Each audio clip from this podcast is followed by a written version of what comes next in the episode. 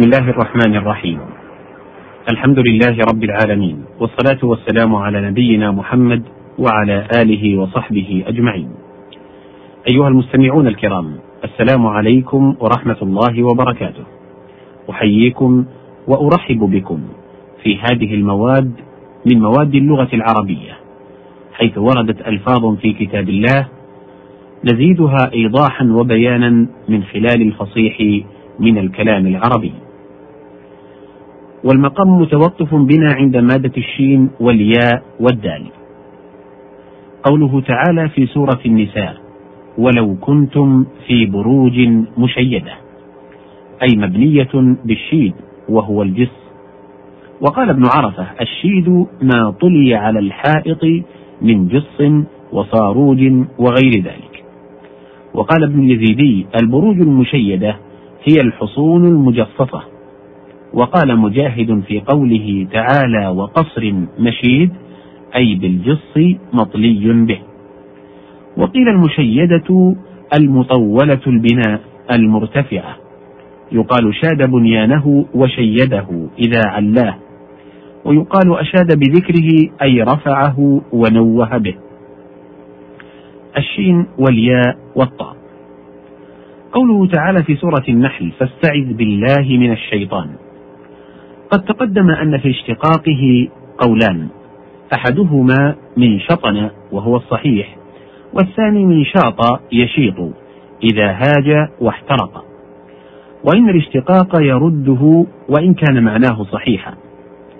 وفي الحديث إذا استشاط السلطان تسلط الشيطان أي إذا تحرق من شدة الغضب. ويقال شيط الطباخ الرؤوس والأكارع إذا أشعل فيها حتى يتشيط ما عليها من الشعر والصوف. ويعبر به عن الهلاك والإهلاك فيقال شاط دمه وأشاطه. وقال الأعشى قد نخضب العير من مكنون فائله وقد يشيط على أرماحنا البطل. وفي الحديث أن فلانا قاتل حتى شاط في رماح القوم.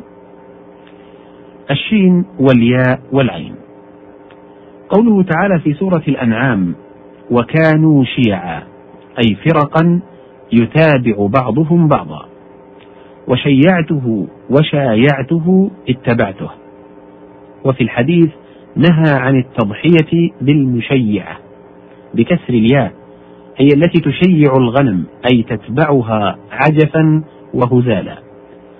وتشييع الجنائز اتباعها والمشيع بفتح الياء الشجاع كأنه لإقدامه مشيع للقبر. الصاد والباء والهمزة.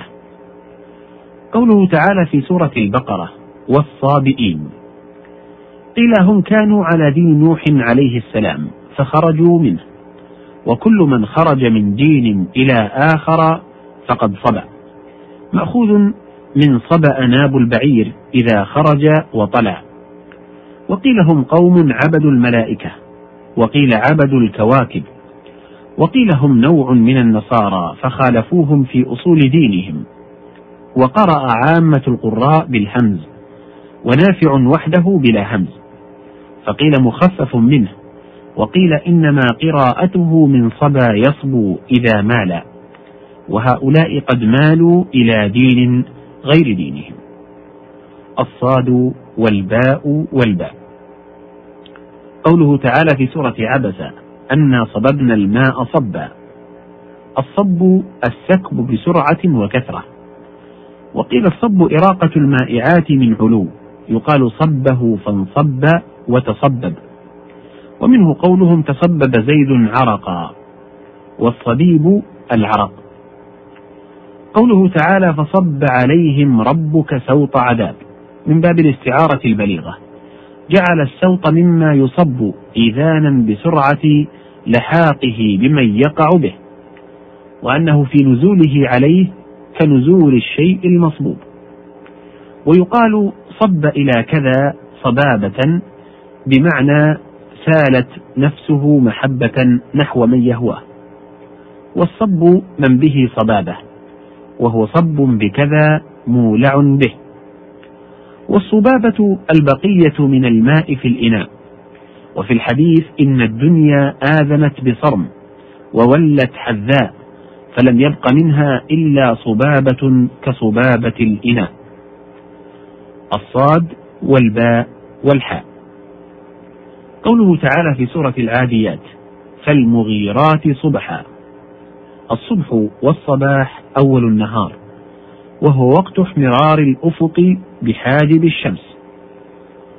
قوله فساء صباح المنذرين نسب الذم إلى صباحهم مبالغة في إساءتهم كقوله ساء يومه. والصبوح الشراب أول النهار والغبوق آخره.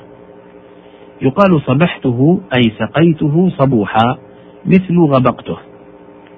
والصبح شدة حمرة في الشعر تشبيها بالصباح أو المصباح.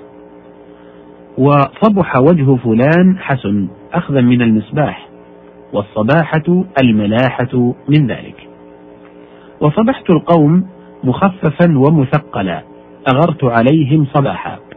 قال الشاعر صبحنا الخزرجية مرهفات أبان ذوي أرومتها ذووها.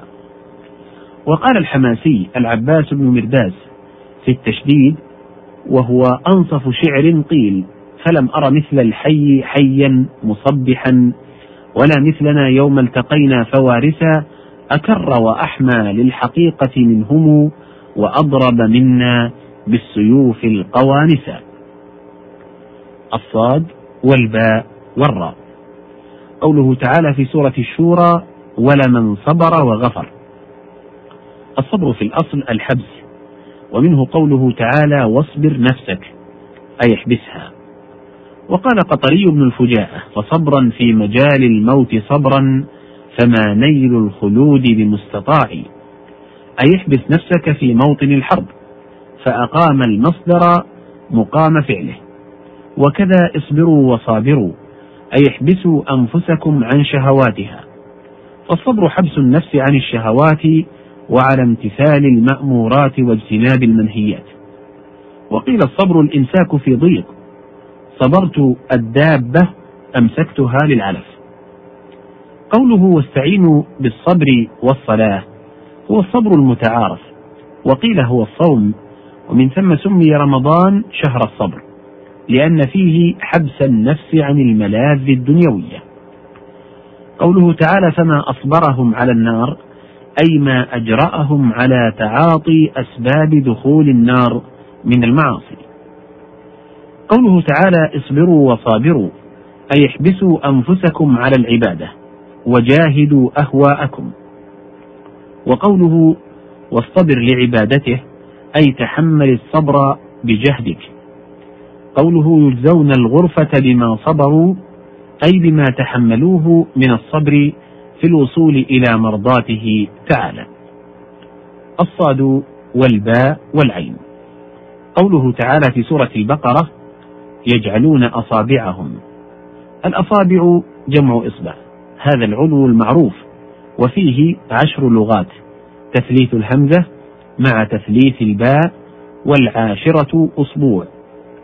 وصبعته أصبت إصبعه وهي مؤنثة وعليه قوله هل أنت إلا إصبع دميت وفي سبيل الله ما لقيت؟ هنا ينتهي الحديث عن هذه المادة وينتهي الحديث في هذا اليوم.